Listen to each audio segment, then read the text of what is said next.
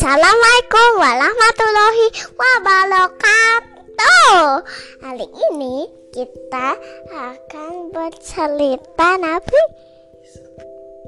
Nabi Isa alaihissalam. Sekarang ayo langsung cus cus. Soalnya langsung lagi ngantuk nih. Assalamualaikum warahmatullahi wabarakatuh teman-teman. Malam ini Sebenarnya papa sudah ngantuk Tapi Rere ingin dibacakan cerita. Nabil udah bobo Nabil udah bobo Tapi masih sakit. Tapi awalnya udah sembuh tapi sakit lagi. Iya awalnya udah sembuh Tapi sakit lagi. Mungkin masuk angin lagi Sekarang sebelum tidur, Rere mau cerita tentang Nabi Isa alaihi salam. Rere siap? Siap. Oke. Nih.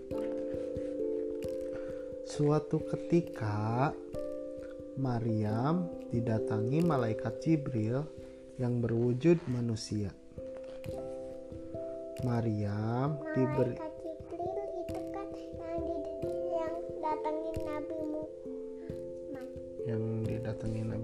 iya kasih Al-Quran bilangnya bacalah oh ikro gitu ikhlas. oh iya Maryam diberitahu bahwa beliau akan melahirkan seorang bayi laki-laki Beliau itu siapa? orang sebutan orang yang dihargai? Orang yang baik Oh, begitu. iya diteruskan ini Kenapa-napa? Ayo. Awalnya Maryam terkejut. Bagaimana mungkin Maryam melahirkan seorang bayi? Kenapa terkejut? Maryam tidak mempunyai suami. Iya, soalnya kan belum menikah. Suami itu kayak papa sama mama ya, papa suami itu. Namun kemudian Maryam tahu bahwa tidak ada yang mustahil bagi Allah. Mustahil tidak mungkin, Tidak mungkin itu apa? tidak bisa? Tidak bisa apa pun. Apa pun itu. Iya, misalkan mus berarti bisa semua gitu. Terus apa lagi? Tak lama kemudian Maryam mengandung. Beliau pergi mengasingkan diri ke tempat yang jauh. Mengandung itu apa? Hamil. Oh, Di sana beliau banyak beribadah, sholat, zikir, dan bersujud kepada Allah. Hari berlalu dan tiba waktunya Maryam melahirkan. Beliau pun pergi ke tempat yang sunyi yang bernama Bethlehem. Dengan bersandar pada pohon kurma sambil menahan sakit, Maryam pun melahirkan seorang bayi laki-laki. sakit apa? Mau melahirkan.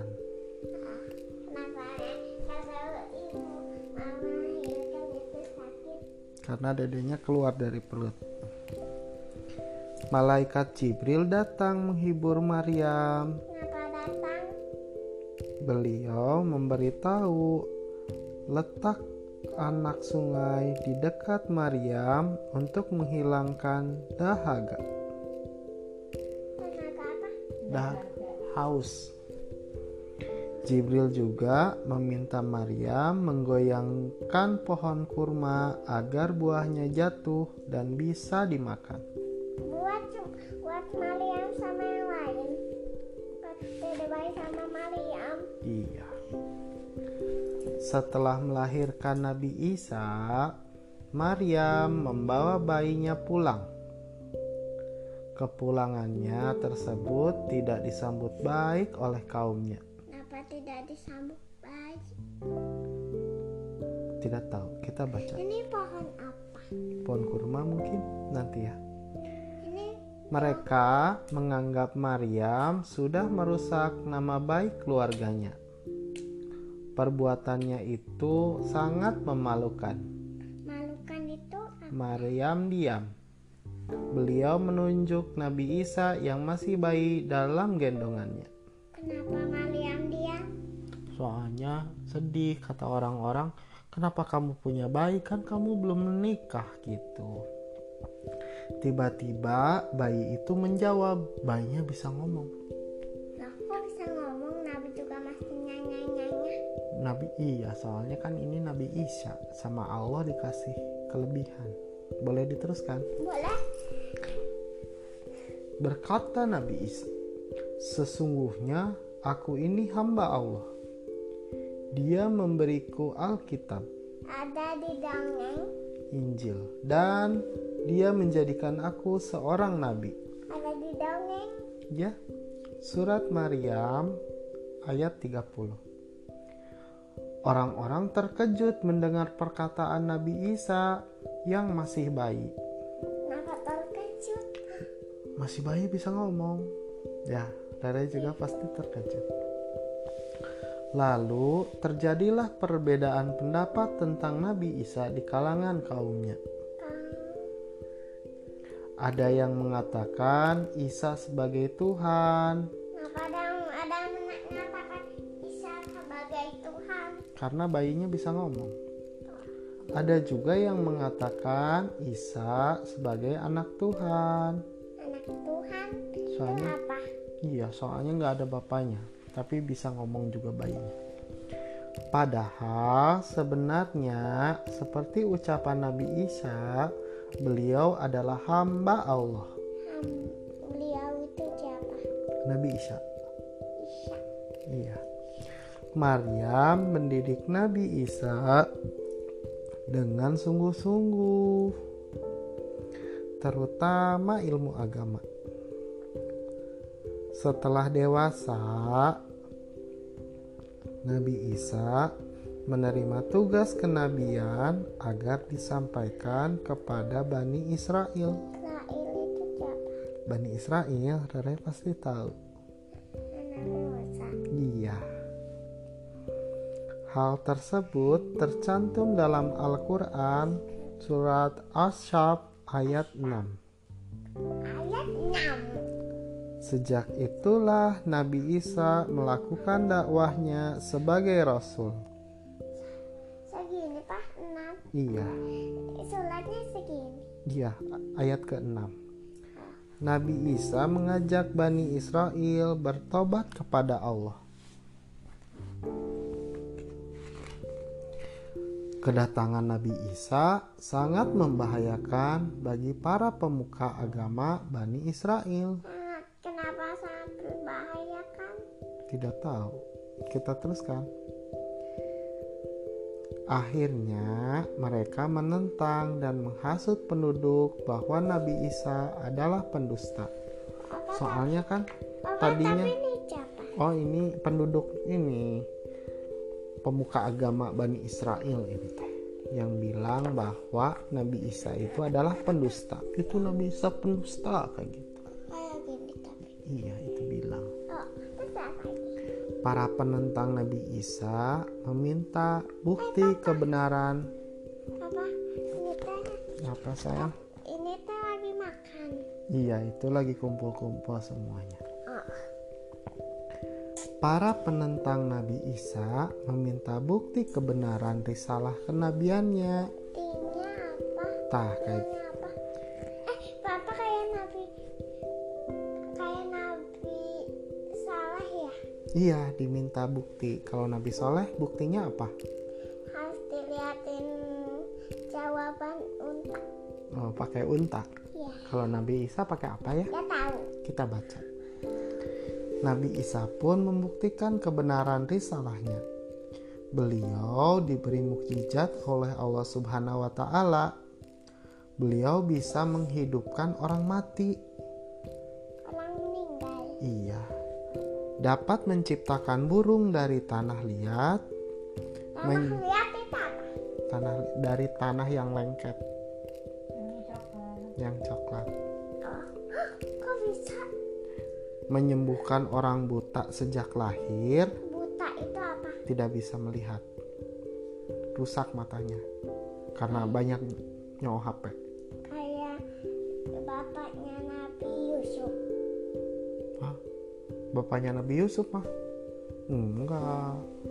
Makanya Nabi Yusuf tuh pernah ada yang nyeritain. Oh iya mungkin. Ya nanti dilihat dulu ya. Papa belum tahu. Papanya Nabi Yusuf bisa lihat itu. Nanti ya. Papa lihat. Mama pernah bacain di HP sampai matanya buta katanya. Oh gitu? Iya nanti papa cari dulu.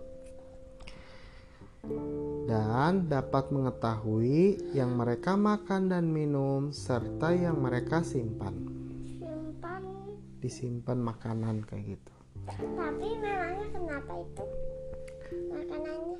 Iya, Nabi Isa bisa tahu. Rere tadi makan apa ya? Oh, makan ini, ini, ini, ini. Oh, Rere itu lagi nyimpan makanan ini, ya kan? Rere tadi makan apa? Rahasia. Nabi Isa mah bisa tahu. Terus Rere nyimpan apa? Kok bisa tahu?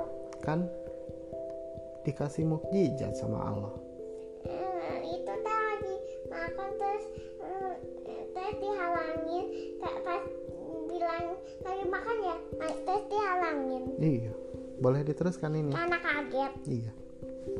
boleh Dengan diketahuinya mukjizat Nabi Isa, mereka mengakui kekuatan Allah Subhanahu wa taala.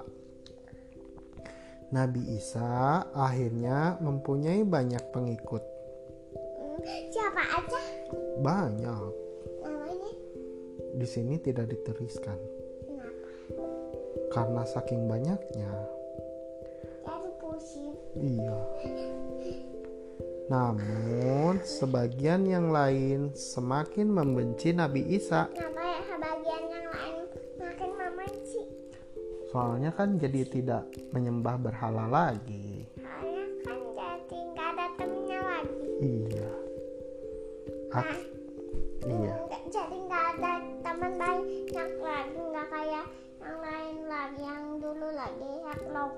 Iya. jadi nyate malah nyate Iya. Boleh diteruskan? boleh Akhirnya mereka menyusun rencana terhadap Nabi Isa. rencananya apa Kita baca berikutnya. Waktu itu salah satu pengikutnya Yudas Iskariot berkhianat. Dia menunjukkan tempat persembunyian Nabi Isa. Namun Allah menyelamatkan Nabi Isa. Beliau diangkat dari tengah-tengah mereka menuju langit. Mereka tidak mengetahui Nabi Isanya dihukum.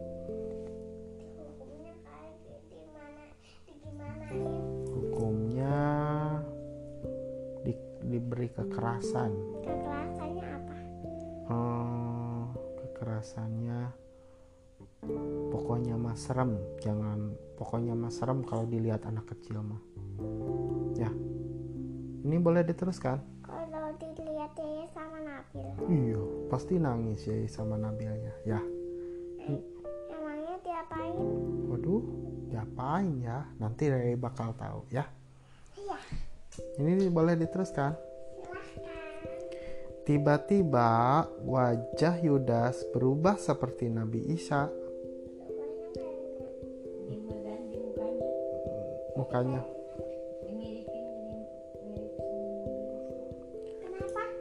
Sama Allah. Biar digantiin. Mereka mengira Yudas adalah Nabi Isa. Kemudian mereka menangkap Yudas dan menyalibnya karena mukanya sama. Ini Al-Qur'annya dijelasin kayak gini. Orang-orang kafir itu membuat tipu daya dan Allah membalas tipu daya mereka itu. dan Allah sebaik-baik pembalas tipu daya. Papa kenapa disamain wajahnya? Biar Nabi Isanya bisa selamat. Ya, jadi Nabi Isanya di, diselamatin sama Allah. Terus Yudasnya menggantikan biar dihukum. Yudas itu pengikut Nabi Isa yang berkhianat. Jahat. Iya, Oh, tamat. Sudah selesai. Ya betul Pak, yang Nabi Yakub itu Nabi Yakub sedih Nabi Yakub sedih. Kenapa mah?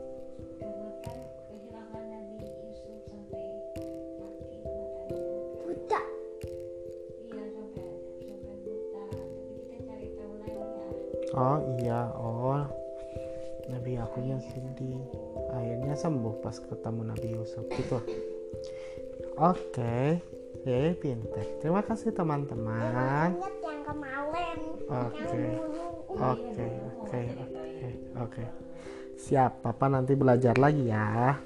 Teman-teman, cukup sekian dongeng eh bukan dongeng, kisah Nabi untuk malam ini. Rere pun saatnya bobo. Teman-teman ikut bobo ya. Jangan lupa baca doa. Rere mau pimpin doa bobo.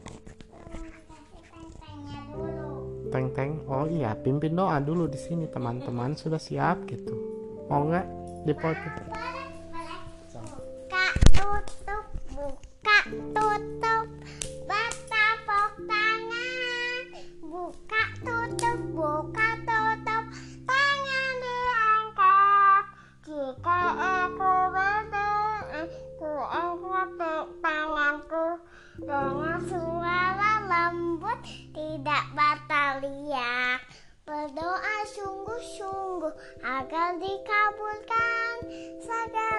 Permohonan hamba yang beriman. Tangan diangkat, kepala tundukkan. Siapa baca doa? Doa sebelum tidur. Tasakallah. Bismillah. Bismika Allahumma ahya wa bismika amut amin. Sudah cukup teman-teman. Terima kasih. Assalamualaikum warahmatullahi wabarakatuh.